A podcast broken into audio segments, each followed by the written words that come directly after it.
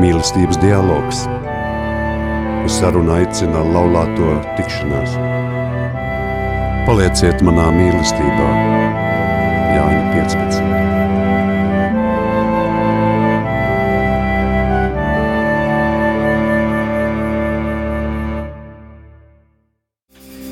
Labvakar, mīļie klausītāji!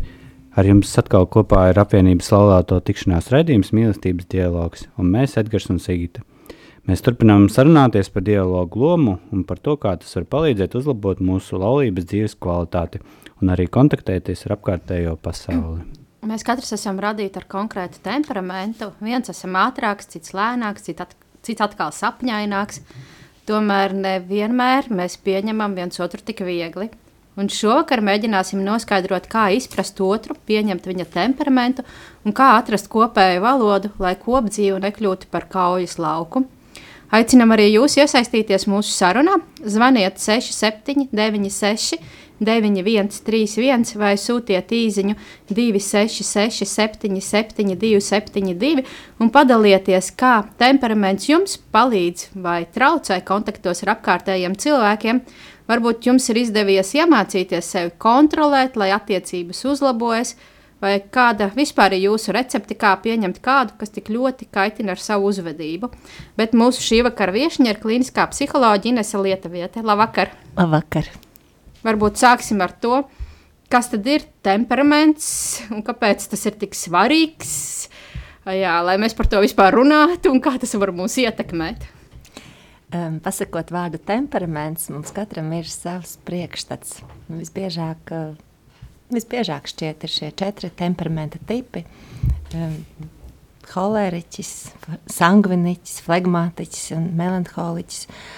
Tāpat laikā kādam citam varbūt ir priekšstats par introversiju un ekstraversiju.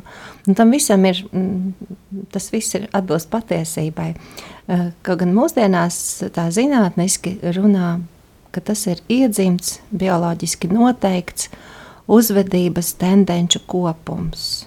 Tad, tad tas ir iedzimts, kā acu krāsa vai, vai dažas citas mūsu pazīmes, pēc kā mūs atpazīst citi cilvēki.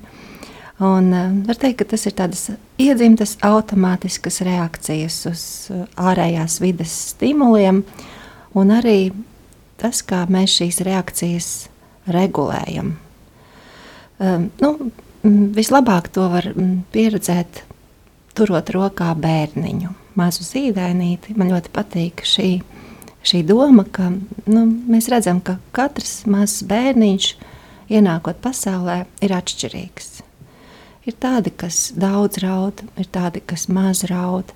Um, nu, tieši tas, ko mēs redzam šajā zīdainītī, tas ir viņa temperaments, tā ir viņa iedzimtība kas viņu pavadīs visa mūža garumā. Jo temperaments, nu, kā jau bioloģiski noteikta lieta, ir nemainīgs. Tas, ko bērns vēlāk mācās, ir tās regulācijas eh, prasmes. Tas, to mēs mācāmies nu, ļoti intensīvi no divu gadu vecuma līdz septiņiem gadiem. Mēs mācāmies mazliet sevi regulēt, pieskaņot apkārtējai videi. Un, bet to mēs varam mācīties arī visa mūža garumā. Un eh, atgriežoties pie bērniņa, nu, ko tad tas temperaments, kā, pēc, eh, kā, kā, kas ir tie kriteriji, kas viņu raksturo? Viens ir tas, kā, kā bērns izjūt kaut kādus stimulus, tad, tad tā slieksnis, kad viņš kaut ko sāk just, piemēram, diskomfortu. Uh, kad viņš jūtas izsalcis, vai vienam bērniņam biks, autiņa biksītes spiež, cita, cits nemaz nejūt diskomfortu, vai tur kāds slapjumiņš, viens ir tāds ļoti mierīgs un nemaz neparāda vecākiem, ka kaut kas nav labi. Tad, tad mēs atšķiramies pēc nu, šīs sajūtu sliekšņa. Un, nu, piemēram, tādiem neirotiskākiem temperamenta tipiem, tādiem nestabilākiem, noteikti šis slieksnis ir daudz, daudz zemāks. Arī introvertiem cilvēkiem tas, mums šo stimulu slieksnis ir zemāks nekā ekstravertiem. Tad otra lieta, nu kā bērns reaģē uz to diskomfortu. Viens, viens reaģē skaļi, raud, liek manīt par savu neapmierinātību, kāds cits klusi kungst. Tas ir arī tāda iezīme, kā, kā, cik spēcīga ir šī reakcijas intensitāte. Un trešais kritērijs, ko mēs jau mazā bērniņā redzam, ir tas, cik ātri viņš spēj nomierināties. Ja viņa vajadzība tiek apmierināta, vai viņš ilgi raudās, vai tiklīdz saņem to atbalstu, tā nomierinās. Tā ir tāda spēja atkal sevi regulēt, adaptēties, kas, protams, ir ļoti nu, palīdzoša dzīvē, ja ir šī tāda temperamentālā iezīme.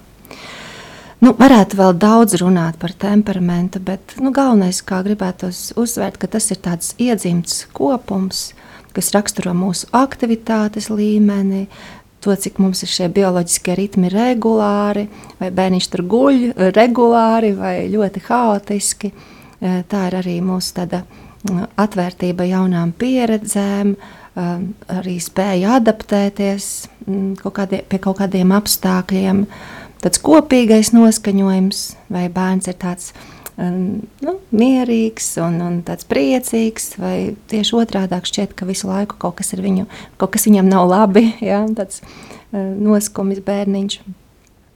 Um, tā viņu reakcija intensitāte, arī, nu, arī protams, uzmanības noturība, kas ir diezgan iedzimta, izturība. Ar to visu mēs nākam pasaulē, un šajā teiksim, ģenētiskajā loterijā mēs neizvēlamies tos parametrus. Bet mēs varam runāt par šiem četriem tipiem, vai viņus vēl kaut kā sīkāk iedala. Nu, Jo parasti ikdienā mēs tur sakām, ah, tas ir holēriķis, ko no viņa var gribēt, vai tas ir melanholiķis, lai, lai viņš tur sēž kaut kur stūrī un sapņo, bet vai, vai tas ir tāds nu, brutāls iedalījums? Nu, es teiktu, tas ir ļoti klasisks un brutāls iedalījums, kas da, funkcionē vairāk kā 2000 gadus. Un mēs ik pa laikam lietojam šos apzīmējumus, bet nu, es teiktu, tā mūsdienās vairāk runā par tiem nu, deviņiem, varbūt tām tiem nu, pazīmēm, temperamentam, ko es iepriekš nosaucu. Ja? Tad, tad tādas specifiskākas lietas, kā analizē. Uh, bet, uh, ja tā pavisam novienkāršotu, no psiholoģiskā viedokļa mēs varētu mm, skatīties visus cilvēkus introversijas un ekstraversijas pazīmē. Tad, tad introversija tā ir tāda cilvēka Nu, tad, tad viņam ir tas sajūtas liekas zemāks, un līdz ar to viņš nemeklē ārējais papildus stimulus, jo viņam jau pietiek savu iekšējo. Viņš ir klusāks, emocionāli rezervētāks, atturīgāks saskarsmē, noslēdz uz refleksiju, izvairās no tādām impulsīvām, nepārdomātām rīcībām, riska. Nu, vairāk viņam patīk tāds sakārtot ritmi. Un uh, otrs, otra puse ir ekstravertums. Tieši pretēji tur atkal ļoti ir nepieciešami jauni iespaidi, jaunais, dopamīns, meklējumi, avantūrisms, arī, protams, izteiktāka komunikabilitāte un sabiedriskums. Tad nu, šie ir divi virzieni. Un otrs, otrs, tāda, otrs ot, nu, tā kā šis ir viena dimensija, ja? introversija, ekstraversija, un otra dimensija, ja mēs zīmētu tādu x un y, ja? to, to, to asi, otra dimensija būtu uh, Tad emociju stabilitāte, nu, vai arī otrā virzienā nestabilitāte, jeb neirotisms, mēs to psiholoģijā saucam. Cik, cik ilgi ir šī reakcija, cik intensīva, cik ātri uzkars cilvēks, jā, cik ātri nomierinās. Un, un, un tad mm, Nu jā, tā neiro, neirotisms ir vairāk saistīts ar tādām iezīmēm kā trauksmēnība, arī noslēdz uz nomāktu garastāvokli, kautrīgums, emocionalitāte, tad izteiktāk vainas izjūta, zemes pašvērtējums, garastāvokļa izmaiņas, svārstības. Savukārt tāda nu, pretējā, pretējais virziens būs emocionālā stabilitāte, mierīgums, adaptācija, tad not, nu, noteikta noturība pret stresu. Un, ja mēs sazīmētu tādas x un y skalas, uz kuras vienā būtu introversija, ekstraversija, otrā emocionālā stabilitāte vai nestabilitāte, tad noteikti tos temperamentus klasiskos mēs atrastu. Ja? Un mēdz domāt par to, ka tāds mm, holeriskais temperaments tas ir ekstraverts cilvēks ar lielu ekstraversiju un diezgan izteiktu um, Mm, nu, tādu nestabilitāti, tādas impulsivitāti, ja? nestabils, ātrais, aiz, uzliesmojošs. Savukārt sangviniķis tas būs arī ekstraverts cilvēks, bet viņam ir lielāka stabilitāte.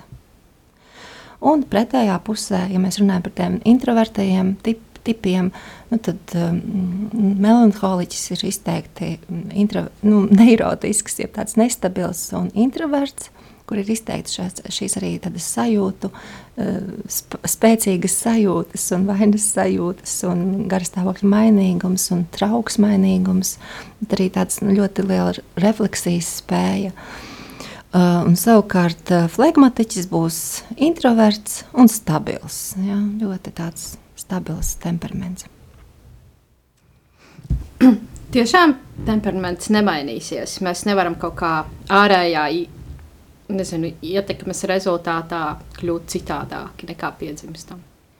Mēs mācāmies regulēt regulāciju. Ja? Mēs mācāmies uh, kā, adaptēties apkārtējā vidē, un, un um, to mēs vienmēr varam kā, attīstīt šīs spējas. Bet temperaments, vislab, nu, cilvēks ar noteiktu temperamentu, nu, kā mēs zinām, visi temperamenti ir dieva doti. Tad, tad labi, nav sliktu vai labu temperamentu. Eh, bet eh, būtī, būtībā ļoti svarīga ir vide. Ja vide ir nepiemērota manam temperamentam, es cietīšu. Un to arī redz arī ar bērniņiem. Ja? Tā kā es minēju, jau temperaments ienāk pasaulē ar mazulīti. Un ļoti būtiski ir, vai, vecāki, vai vecāku temperaments ir līdzīgs kā bērna temperaments. Jo, ja, ja piemēram, tādiem ļoti mierīgiem vecākiem ir ārkārtīgi enerģisks eh, un eh, ātrs bērns, viņiem būs ļoti grūti ar viņu. Eh, vai arī otrādi - tāds ļoti mierīgs, kluss bērniņš vecākiem, kam patīk attrakcijas un, un skriet pa pasauli. Ja? Un līdz ar to nu, vislabāk bērniņš attīstīsies tad, ja viņam nu, apkārtējā vide būs atbilstoša. Un mums, nu, kamēr bērniņš ir maziņš, viņš nemāca regulēt vai pieskaņot savu temperamentu, līdz ar to galvenie mierinātāji ir vecāki vai tie nu, atbalstošie viņa cilvēki. Un no tā, cik tā vide ir piemērota bērnam, stimulējoša, atbilstoša viņam temperamentam, viņš aug laimīgs ar savu temperamentu. Un līdzīgi es teiktu, arī pieaugušajā vecumā mums ir svarīgi atrast savu vidi, savu, savu jomu, kurā mēs iedaramies ar savu temperamentu. Uh, Un, un, protams, arī nu, tas, ka mēs varam pielāgoties. Tas, tas, mēs pielāgojam, mēs nemainām temperamentu, mēs mainām tādu pielāgošanās spējas. Bet, bet šie te temperamenti vispār ir kaut kāda sadarība. Tā kā, nu, piemēram, nesadara holēriķi ar flegmātiķiem galīgi, vai, vai tam īstenībā nav nozīmes lielas? Domā par pārattiecībām? Nu jā, no, ne tikai pāri, varbūt arī kaimiņi un mm. nezinu, darbā, piemēram. Nu jā, tas, tas, tas nav vienkārši. Un, un es domāju, varbūt darbā, komandā tas ir tieši labi, ir dažādība. Un tad kaut kā viens izdara vienu lietu labāk, kāds cits citu lietu. Es uzskatu, ja māk labi izmantot šos cilvēku resursus, tad katram ir vieta, jo dažādāk instrumenti, jo labāk var izdarīt darbus. Uh, Nu, pārī es teiktu, labāk noteikti ir, ja tie temperamenti ir kaut nedaudz nu, tuvināti, ja nav pārāk lielas atšķirības. Jo, manuprāt, tas ir nedaudz mīts, ka nu, tie pretpoli pievelkas, vai ka tas ir absolūti nepieciešams, lai tur būtu tāds tā, tā dzirkstele, ka vajag būt atšķirīgiem cilvēkiem. Nē, ne, es teiktu, varbūt ir daži kaut kur vieglāk, vieglāk ar viņiem. Nu, pieņemsim, es domāju, tāds flegmatisks temperaments nav slikts arī tādās ilgtermiņa attiecībās, kas ir laulība. Viņam diezgan piemērots ir šī forma. Bet tāpat laikā nu, viņam blakām mazliet enerģiskāks cilvēks. Tas noteikti ir attīstoši priekš viņa. Nu, tā flegmatiskā cilvēka, ja tas partneris ir nedaudz, nedaudz enerģiskāks un, pieņemsim, sabiedriskāks. Jā, ekstravertāks. Bet, bet kā tad sadzīvot tam pārim, ja teiksim, tiešām ir tas holēriķis, kurš ir ļoti strauji, viņš ir ļoti emocionāls. Viņam tā vienā mirklī sāks kaitināt tas flegmātiķis, kas tā stabili visu grib apdomāt, nevis ķert savus somas un skriet pāri pus pasaulē, tāpēc, ka tur ir brīnišķīgs dabas skats. Bet no vienas puses tas flegmātiķis, flegmātiķis visu laiku bremzē, un, un tas holēriķis kaut kur skrien vienmēr neapdomājies. Nu, jā, mm, tas, tas noteikti nu, teorētiski izklausās traki, vai ne? Ka divi šie cilvēki ir kopā un katrs skrien uz savu pusi. Eh, bet eh, es domāju, tas ir diezāk, vairāk teorētisks jautājums, jo visticamāk viņi kaut kad ir iepazinušies un viens otram iepatikušies un kaut kādā veidā sapratuši, ka viņi grib iet šo ceļu kopā. Uh, acīm redzot, nu, viņi nav tik atšķirīgi vai kaut kādā veidā spēja papildināt viens otru. Ir kaut kāds dzīves posms bijis, kurā viņi diezgan labi ir spējuši saprasties. Kāpēc viņi tagad nesaprotās? Es nezinu, vai tikai temperamenta problēmas tur ir. Varbūt arī kāda dziļi neizrunāta aizvainojumi, nespēja komunicēt, dziļas expectācijas, kas ir tikušas pieviltas. Un mums tik svarīgi ir to atzīt, izrunāt. Nevis teikt, tu tur nekad manī neklausies, tu tur tāds holēriķis. Mm -hmm. uh, Dievs mums ir katram devis savu temperamentu. Nav slikti temperamenti. Bet vai mēs varam teikt, kāds temperaments ir labāks nekā citi? Jo, teiksim, nu, viņš, piemēram, ātrāk noreaģē un var kaut ko izdarīt. Vai tas ir atkal prātīgāks un viņš var koncentrēties un labāk izdarīt? Vai ir kaut kā tā, ka mēs varam teikt, ka nu, šitie labāki, šitie nu, varbūt ne tik labi? Katram uzdevumam savs instruments. Katram uzdevumam savs instruments. Un vienkārši ir lietas, kas padodas vienam vairāk un citam mazāk. Jā. Es domāju, tādās pārattiecībās noteikti vieglāk ir, ja cilvēks ir emocionāli stabilāks ja nemainās tik ļoti, ka nav tās reakcijas tik ļoti dažādas un, un straujas, ir vieglāk tad noteikti. Bet tāpat laikā es domāju, arī tādas itāļu laulības, kur katru dienu ir strīdi, nemaz nav tik sliktas. Galvenais, ka cilvēki runā savā starpā un izsaka un netur tādu, nu, tādu aizvainojumu ilgstoši. Kas, piemēram, ir tāds kaut kāds salīdzinājums arī par itāļu laulībām un skandināvu laulībām. Nu, skandināvi nu, tā vispārīgi runājot, stereotipiski, nu, mēs esam vairāk introverti nekā dienvidnieki. Un tad skandināvu laulībās nav neviena strīda, bet, kad sastrīdās, tad izšķirās. Jā. Tā, tā kā, nu, es domāju, ka nav, nav, nu, katrs temperaments ir ļoti vajadzīgs tikai savā vietā. Un, jā. Jūs pieminējāt šo reģionālo tādu izkliedi, varētu teikt, temperamenta. Tiešām ir tā, ka vairāk uz dienvidiem ir kaut kāds, nu, teiksim, vairāk holēriķi un, un uz ziemeļiem flegmātiķi.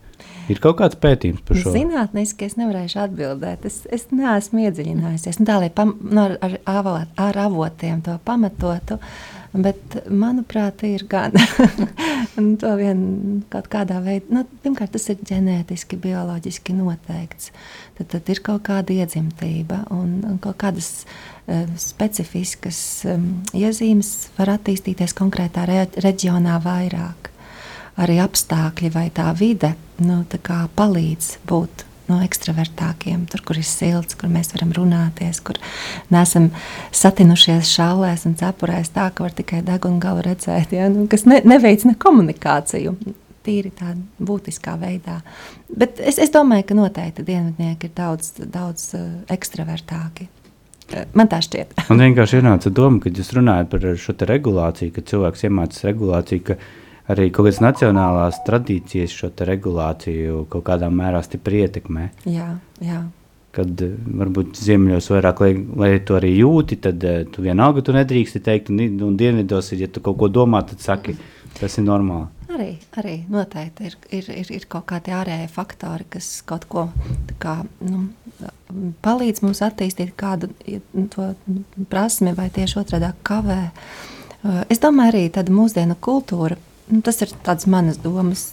Pēc būtības pieprasa mums lielu ekstraversiju, tādu nu, būšanu ar cilvēkiem, komunicēšanos, aktīvu kaut kādu iesaistīšanos. Uh, dzīves temps ir ātrs, mm, bet varbūt kādam iekšēji nemaz tas nav nepieciešams. Un es teiktu, ka Covid laikā tas ļoti parādījās. Tie, kuriem patika tas Covid laiks, visticamāk, ir ekstraverti.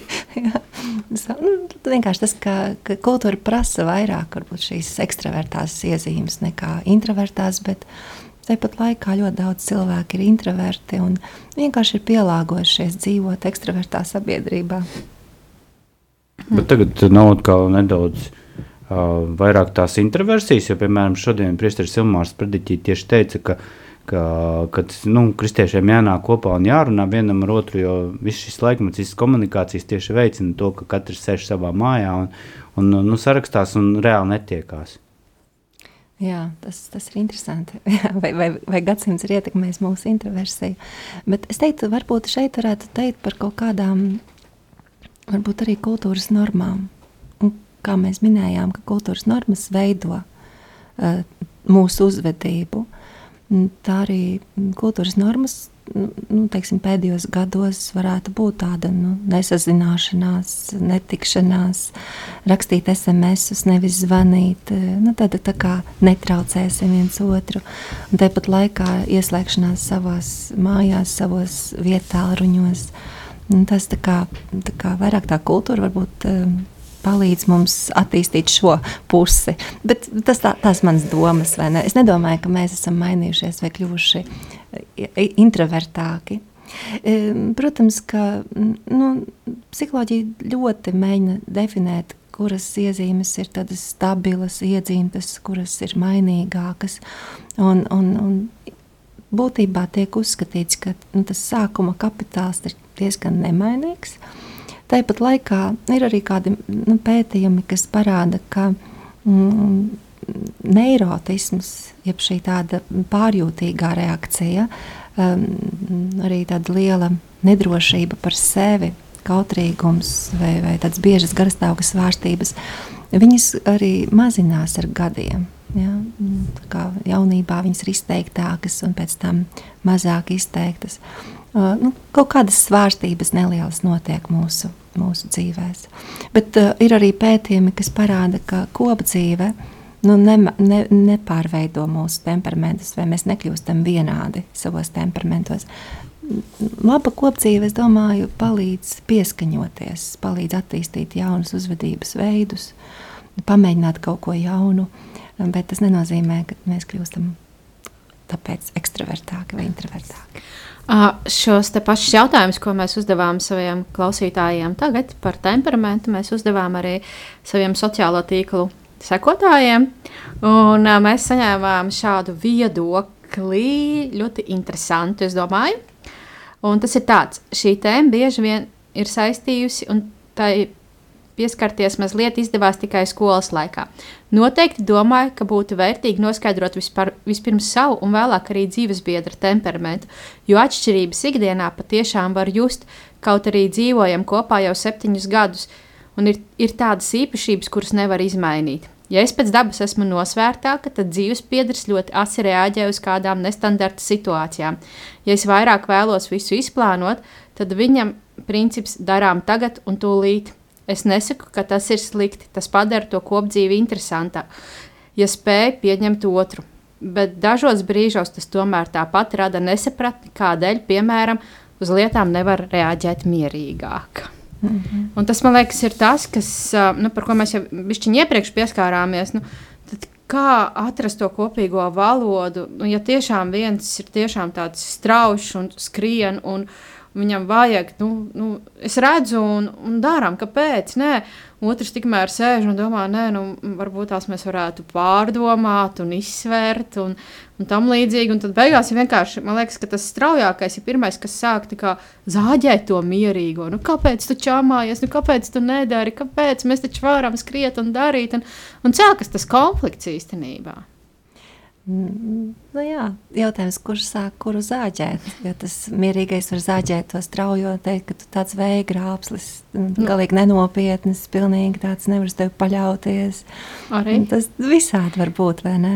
Tā, bet, bet, bet jā, nu, es domāju, ka nu, šajā izteikumā ļoti jauki mums šķita tāda intuitīva sajūta par, par to, ka mēs atšķirīgi reaģējam uz situācijām. Un, nevaram saprast, kāpēc tas otrs nevarētu reaģēt nu, mierīgāk. Ja?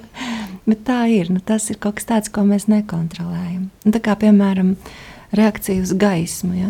Tums, tumš, tumšā istabā iedegas gaisma. Un, Viens ātri pierod pie gaismas, cits lēnām. Un to, tas tā, tā pirmā reakcija nav tāda, ko mēs tagad izlemsim, tagad nokontrolēsim.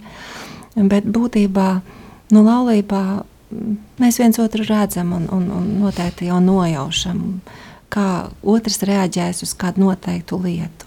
Es zinu, ka daži saka, ka viņš jau par šo būs dusmīgs, vai viņi par šo teiks, ka tā nedrīkst darīt. Nu, Vārdsakot, mēs diezgan labi nolasām to viens otru, ko katrs tur jutīs un domās.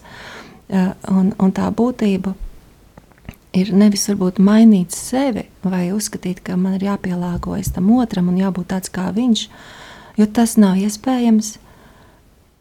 Bet nu, censties nesāpināt vienam otru, mēģināt saprast, kas otram palīdz, speciāli nedarīt lietas, kas otru kaitina, palīdzēt izdarīt to, kas viņam ir svarīgs. Nu, tad savstarpēji palīdzība un atbalsts ir būtiskāks, nevis pielāgot otru sev. Mm. Man tad vēl viens tāds jautājums. Mm, dažreiz runājot ar cilvēkiem, tie, tie tiešām ir biežāk tādas ātras reakcijas cilvēki, tādi straujāki cilvēki. Man brīžam rodas tāds iespējas, ka viņi manipulē ar šo savu temperamentu. Teiksim, kaut ko pasaka ne tā, vai rīkojas ne tā. Un sistemātiski, un tad attaisnojas. Bet es esmu holēriķis, un nu, tāds ir mans temperaments. Nu, kā tad ir? Vai mēs varam? Nu, tiešām attaisnoties ar to, ka varbūt nodaram kādam pāri vai strauji kaut kā norēģējam, ne tā kā nu, pieklātos un pēc tam pateikt, nu, pieņemiet mani tādu, es esmu tāds, kāds es esmu, un ko jūs no manis gribat tur. Mm -hmm. Ļoti labs um, šķiet vērojams vai arguments. Uh, nu, no vienas puses, mm, kaut kur es saprotu to holēriķi, kurš tiešām nevarēja savādāk. Viņš visticamāk arī nesaprot, kāpēc viņš nevar savādāk. Ja viņš nezina, nu, kāpēc es nevaru. Un tad, tad viņam ir uzreiz tāds nu, skaidrojums, ka nu, tas ir tāpēc, ka tas ir bioloģiski iedzimts. Tad, tad neko nevar darīt. Jā, uh, nu, jā piekrītu. Bet uh, es domāju, ka šajā izteikumā ļoti iezīmējas tas attieksmes jautājums. Jo es zinu, ka es esmu izdarījis otram sāpīgi. Un, ja tas otrs cilvēks saka, zini, šis bija par skarbu, man tas sāpēja. Eh, nu, tad es domāju, tas, kas ļoti ir vajadzīgs attiecībās, ir šī nu, atvainošanās. Ja, tad eh, nu, patiesa, godīga atvainošanās, ka es centos, bet man atkal nesanāca. Bet toties, ja otrs saka, nu, sorry, bet es nevaru savādāk, un turpmāk tāpat darīšu, ja? nu, tad tas noteikti neveicina savstarpēju komunikāciju, un, un tā nedrīkst darīt. Es eh, gribēju pajautāt par teorētisko tādu bāzi. Kā jums šķiet, eh, cilvēkiem vispār ļoti labi izpratne par to, kas, nu, kas ir temperaments, kas nav. Nu, lai nu, nedalītu cilvēkus, tas ir labs, slikts vienkārši tikai tāpēc, ka viņam ir pilnīgi savādāks pretējs temperaments. Vai tas ir tāds, tā kā viņi tā kā jūt, nē, tas ir labs, tas ir slikts, bet uh, nu, viņš ir tāpēc, nu, viņa tā reakcija ir ātra, tāpēc man viņš ir nu, nepieņemams, teiksim tā, bet es nesaprotu, kāpēc. Vai tomēr globāli cilvēki ļoti labi saprot tos temperamentus? Jo ir populāri šie kolēģi, sangvīniķi, flegmātiķi, melanholiķi. Es domāju, ka nu, šī tēma vispār nemaz nav vienkārša ir ļoti viegli varbūt, lietot šos terminus, bet es teicu, ka viņi ir ļoti liels vienkāršojums, jo nav jau arī tāda tīrā tipa. Tas tā nu, maz, maz kad būtu sastopams, manuprāt. Uh, uh, un otrkārt, uh, mēs, mums, tas, tas, tas tiešām nav vienkārši arī psihologiem vai, vai tiem, kas pēta personību, saprast, cik daudz ir no dabas, cik daudz ir iedzimts un cik daudz ir vides veidots. Um, audzināšanas rezultātā veidots kultūras normu noteikts. Tad nu, šī iedzimtība un vide, nu, tas vienmēr ir tāds jautājums. Kaut kur mēs pa vidu esam, 50 uz 50. Un, uh, līdz ar to temperaments, nu, kas ir tā bioloģiskā iedzimtā daļa, nu, tas ir tikai tāds izējai materiāls, māls, ko veidot. Pēc tam nāk audzināšana, tad nāk darbs ar sevi. Mūsu personība nu, absolūti nav tikai temperaments. Personība tas ir mūsu vērtības, mūsu intereses, mūsu kaut kāda socializēšanās un kultūra attiecībās. Dažādi, dažādi elementi, kurus mēs esam mācījušies. Ja? Un, un līdz ar to cilvēks ir ļoti sarežģīts, un mēs viens otru nesaprotam. Un, un, un vai arī, piemēram, vēl atsevišķa tēma ir piesaistes stils, jeb veids, kā bērns ir iemācījies sadarboties vai uzticēties savam pamataprūpētājam, tētim, mammai. Tad nu, šis piesaistes stils, kas ir uzticēšanās otram cilvēkam, um, uzticēšanās, ka viņš mani pasargās, ka viņam ar viņu es esmu drošībā. Mums viņš ir dažāds. Ja? Neatkarīgi no temperamenta. Tas bieži vien ir atkarīgs no tām pirmajām attiecībām ģimenē. Un tieši šī lieta visvairāk man šķiet nu, tiek iekustināta tad, kad mēs veidojam laulību. Jo tur ir svarīgākais šī uzticēšanās vai, vai būšana drošam ar otru cilvēku.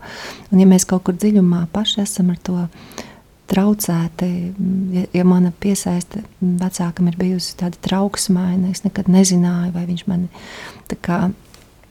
atbalstīs, vai tieši otrādi varbūt dusmosies uz mani, vai varbūt mana piesaiste ir izvairīga. Nu, pieņemsim, es esmu iemācījies, ka visu jātiek galā pašam. Nu, būs ļoti grūti tieši, tieši attiecībās. Un līdz ar to es nosaucu dažādas, nu, dažādus tā kā, konstruktus vai terminus, par ko psiholoģija runā. Un iedomājieties, tas viss ir kā, viss kopā. Ja? Nu, kā parasti cilvēks var tajā visā atšķirt, ka šis ir tavs temperaments, vai šis ir tavs piesaistes jautājums, vai šis ir tavs kaut kāds neaudzinātība un kultūras trūkums, un ka tev mamma nav iemācījusi, ja? vai tu pats negribi. Nu, tur ir tik daudz tie x, y mainīgie, ka ir ārkārtīgs vienkāršojums un primitīvisms uzskatīt, ka oh, tas tāpēc, ka tas temperaments. Ja? Biežāk man liekas, mēs pasakām, oh, tas tāpēc, ka viņš ir vienkārši nepatīkams cilvēks mums. Bet es gribu vēl paprovocēt, vai katram obligāti būtu kāds podkāsts vai, vai lekcija jānoklausās par temperamentiem, vai tas nav obligāti? Es domāju, tas ir ļoti interesanti. Man ļoti nu, pa, pašu uzrunā dažādu kristiešu attieksmi pret psiholoģiju. Jo nu, ir dažreiz tāda ļoti noraidoša attieksme, ka nu, tā ir tāda kaut kāda ņemšanās ap sevi, ar sevi. Nu, tāda, tā kā ne, ne ar dievu, bet kā vārīšanās savā sulā.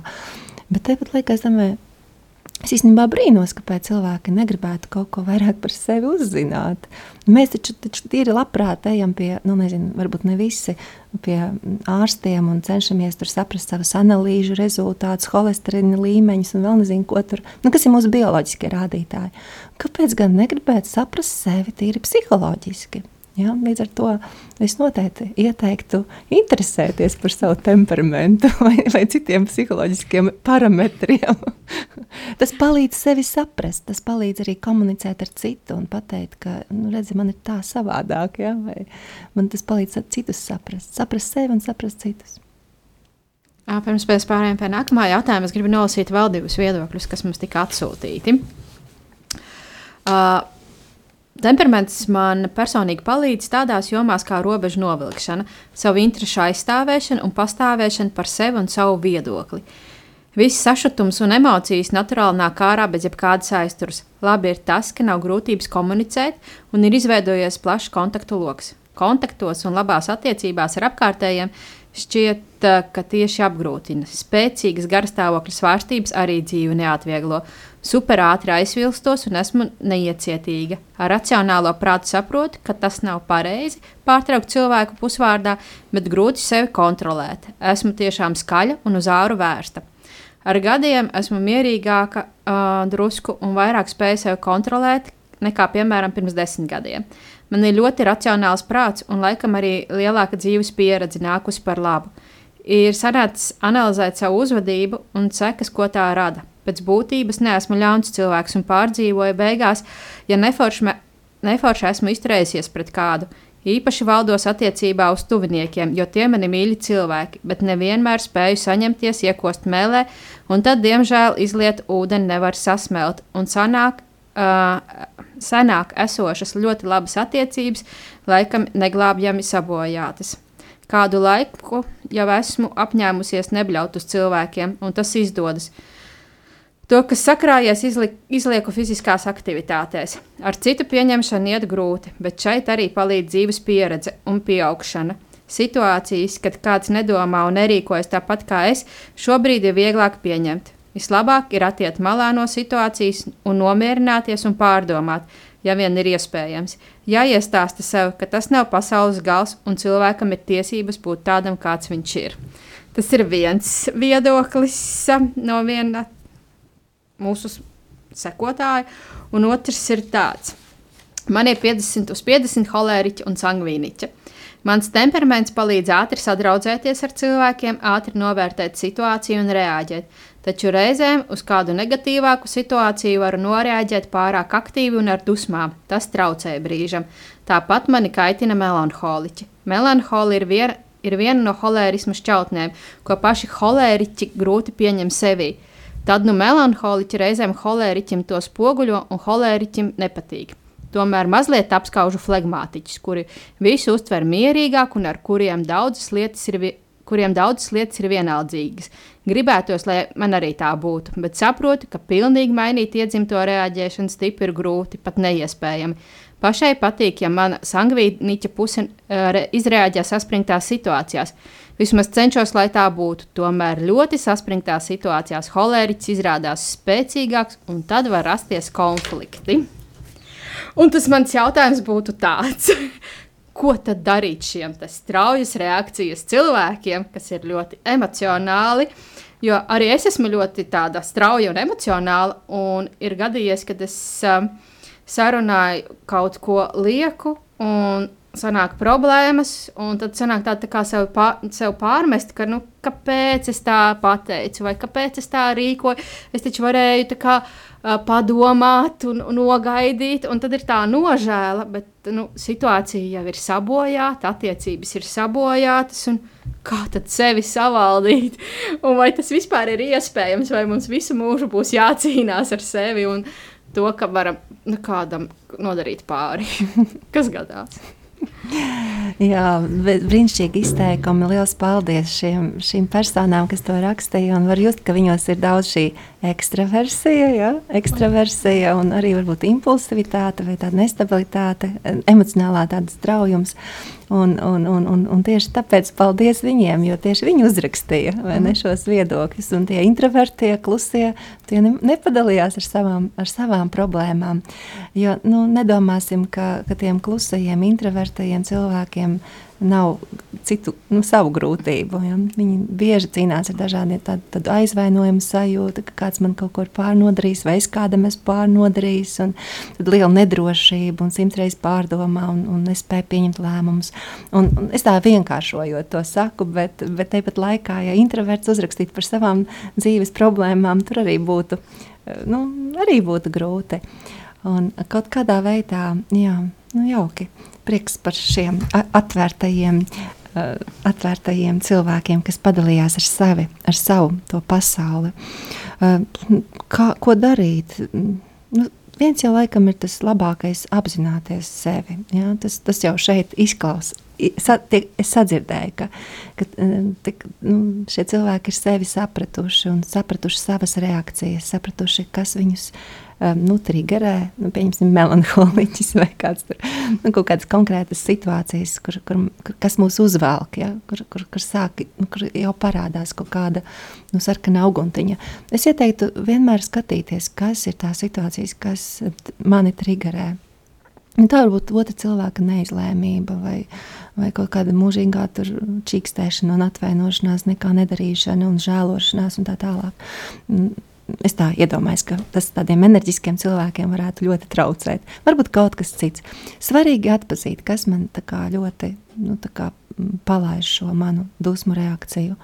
Un otrs, nu, vienā no izteikumiem jau bija mm, kā, tas teikts, paiet mazliet malā, paskatīties uz to. Un, nu, un, jā, tādu nedaudz, nedaudz tādu kā ne visas lietas man ir jāatrisina, ne viss man ir jāizmaina, ne viss ir mana atbildība. Un lai tas notiek, kā tas notiek, nu, tā kā nedaudz vairāk iedot sev pauzīti pirms tās reakcijas.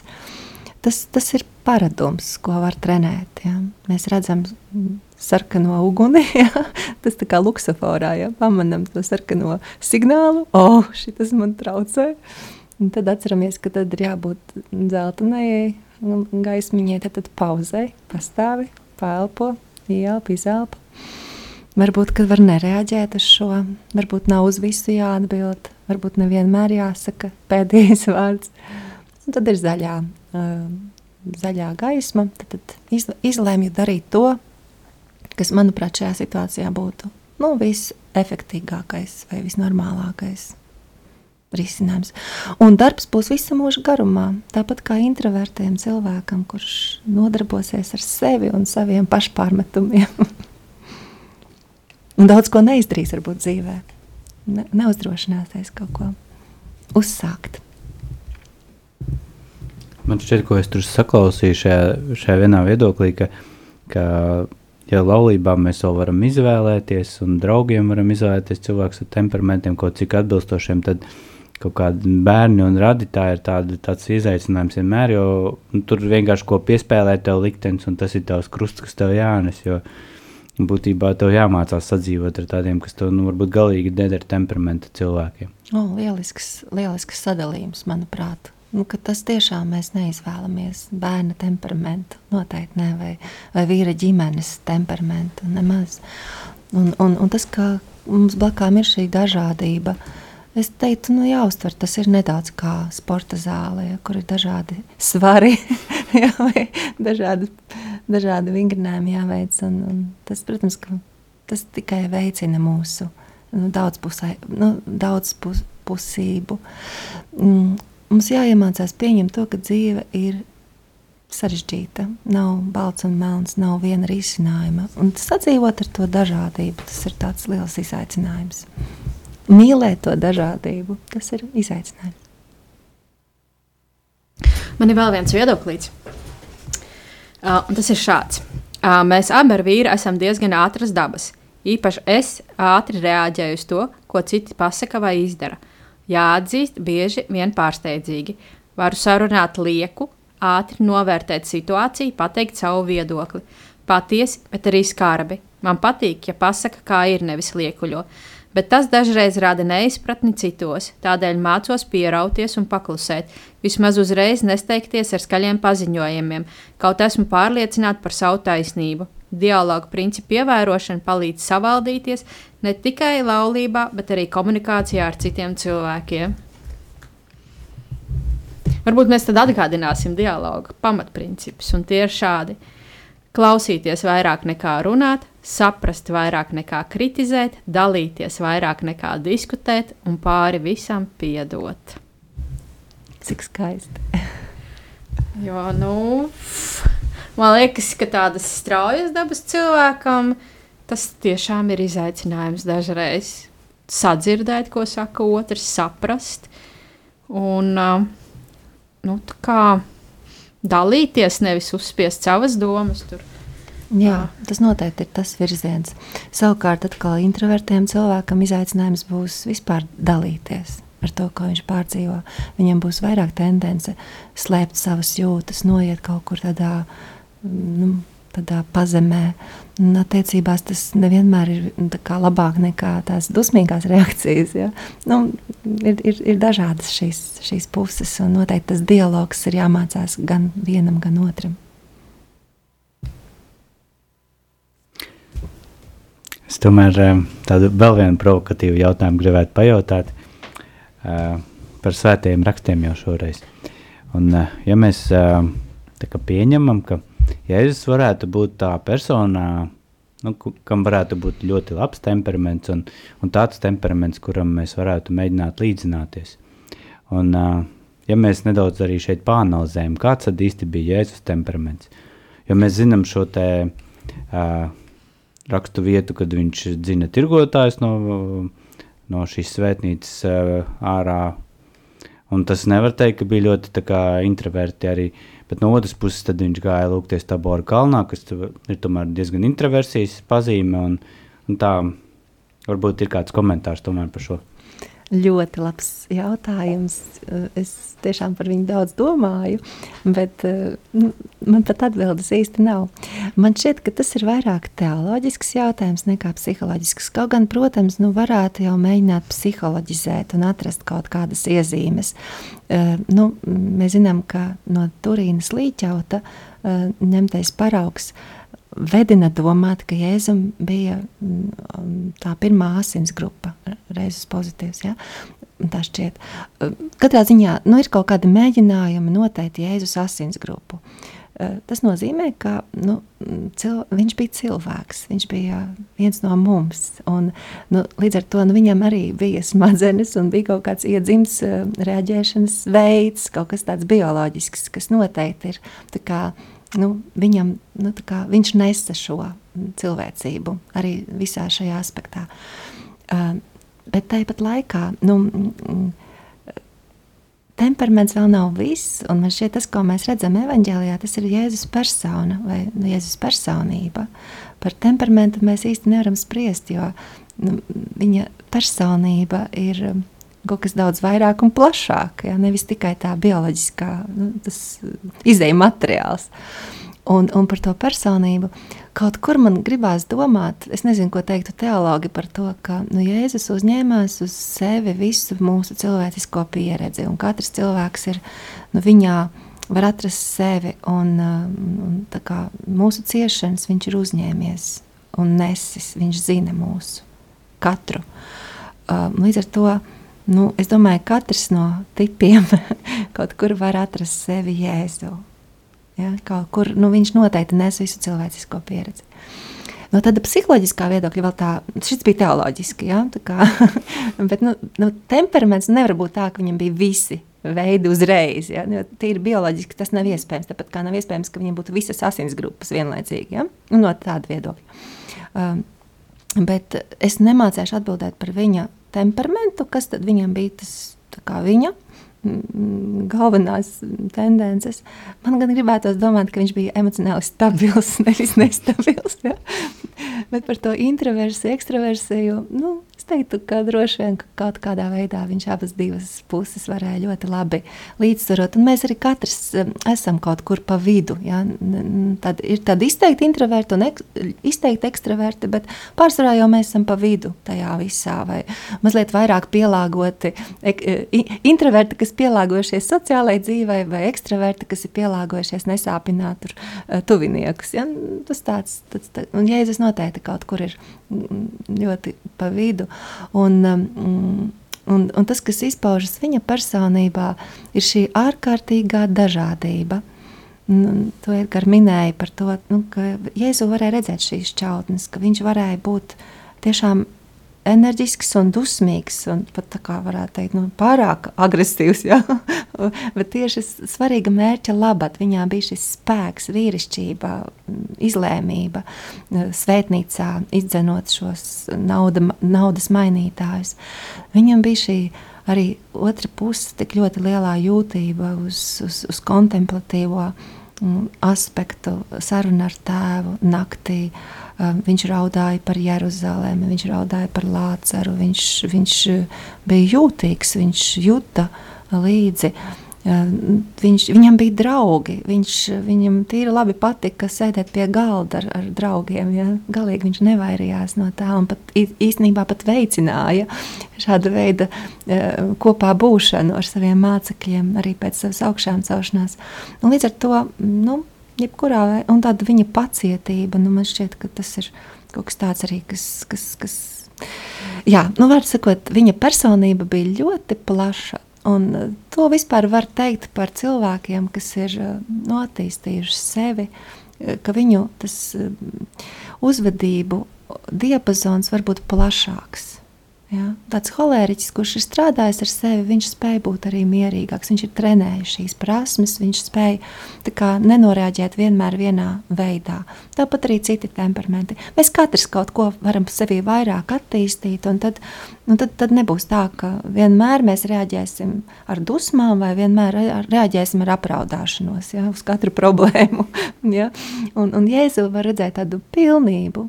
Un, man, man, man gribās domāt, ka mēs katrs varam atrast sevi, savu temperamentu, savu personību, savas iezīmes arī Jēzu. Un varam arī no Jēzus mācīties. Tajā, kā viņš atbild. Es ieteiktu kādreiz lasīt evaņģēliju arī skatoties Jēzus atbildes cilvēkiem, un īpaši farizējiem. Tur ļoti labi var iemācīties kristieši, kā nolikt robežas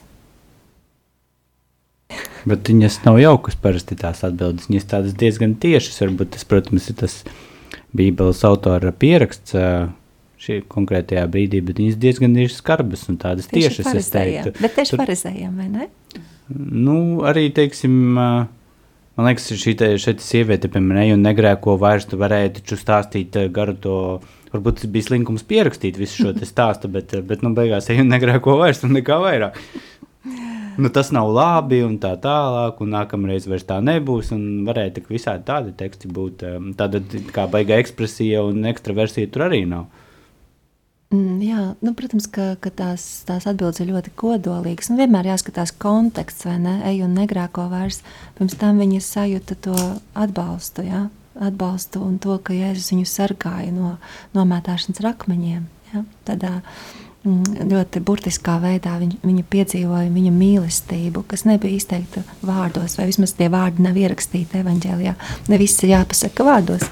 Bet, piemēram, par tiem farizējiem un, un robežām man šķiet, ka tas ir ļoti vērtīgi, jo mm. mums reizēm šķiet, ka nu, kristietim ir jābūt tik ļoti maigam, mīlošam un piedodošam un tādam bezzobainam. Bet tāpat laikā nu, jāsajūt arī spēks, ir, ja, ka mūsu spēks arī ir ir vajadzīgs un īpaši, lai noliktu robežas, lai, lai ļautu, nu, kā jau saka, arī tam, tam farizējam mm, piedzīvot kaut ko tādu, kas liek viņam padomāt. Laikam šis ir tas mirklis, kad mums ir jāliek punkts, un mēs šo te gandrīz stundu esam veltījuši pārunām par temperamentu. Cerams, arī klausītājiem tas ir kaut ko rosinājis. Un arī viņiem būs kaut kādas pārdomas gan par sevi, gan par citiem. Mēs tiešām jūs aicinām ikdienā sarunāties vienam ar otru. Arī tam var palīdzēt tas, ka jūs apmeklējat mūsu organizētos pasākumus. Varbūt tiem, kam īpaši ieinteresēja tieši temperaments, tad vēl ir iespēja nākamās nedēļas nogalē apmeklēt uh, šo nedēļas nogales pasākumu, tie, kas ir bijuši gan uz mūsu pamata programmu. Un šī būs programma par uh, padziļinātās, padziļinātās rekolekcijas ar uzsvaru uz temperamentiem. Informāciju par to var atrast mūsu mājaslapā www.laulātiem.lv. Arī mēs uh, nemitīgi atgādinām par to, ka visi, kas ir uh, bijuši mūsu nedēļas nogalas pasākumos, var uh, uzlabot savu saikni, apmeklējot mūsu mazās grupas, kas notiek gan klātienē, gan attālināti. Un informāciju par to visu var uh, uz, iegūt sazinoties ar mums, gan rakstot uz e-pasta laulāto punktu tikšanās ar gmail.com vai arī rakstot mums Facebook lapā. Arī mūsu mājaslapā www.laulātiem.lv var atrast arī informāciju par pāriem, pie kuriem var griezties, ja jums ir kaut kāda krīzes situācija. Mēs kā vienkārši cilvēki varam ar jums parunāties un sniegt jums atbalstu. Ja ir arī kādi jautājumi vai ieteikumi par tēmām, jūs droši varat mums rakstīt Facebook un, un mēs centīsimies šo tēmu kaut kā apskatīt. Savukārt, ēterā mēs ar jums tiksimies 12. martā. Un nobeigumā laulāto lūkšanu. Kungs, Jēzu, es lūdzu tev dialogu dāvanu mūsu laulībai. Palīdzi man vēl labāk ieklausīties manā sievā, palīdzi mums apusēji labāk iepazīt vienam otru, dalīties vienam otru, piedot viens otram. Dod mums delikātumu un maigumu mūsu sarunās, un dari, lai tās vestu pie patiesas tikšanās vienam ar otru un abiem kopā ar tevi. Palīdzi mums aizvien labāk pieņemt vienam otru, radīt vienotībā, kurā mēs varam palikt tādi, kādi esam. Lūdzu, dziedini to, kas mūsos ir sarežģīts un grūti panesams, kas mūs šķir, un palīdzi visus lēmumus pieņemt ar mīlestību, kas izriet no dialoga vienam ar otru un ar tevi. Palīdzi mums priecāties par mūsu laulību un vienmēr palikt tavā mīlestībā. Āmen. Amen. Ar Dievu.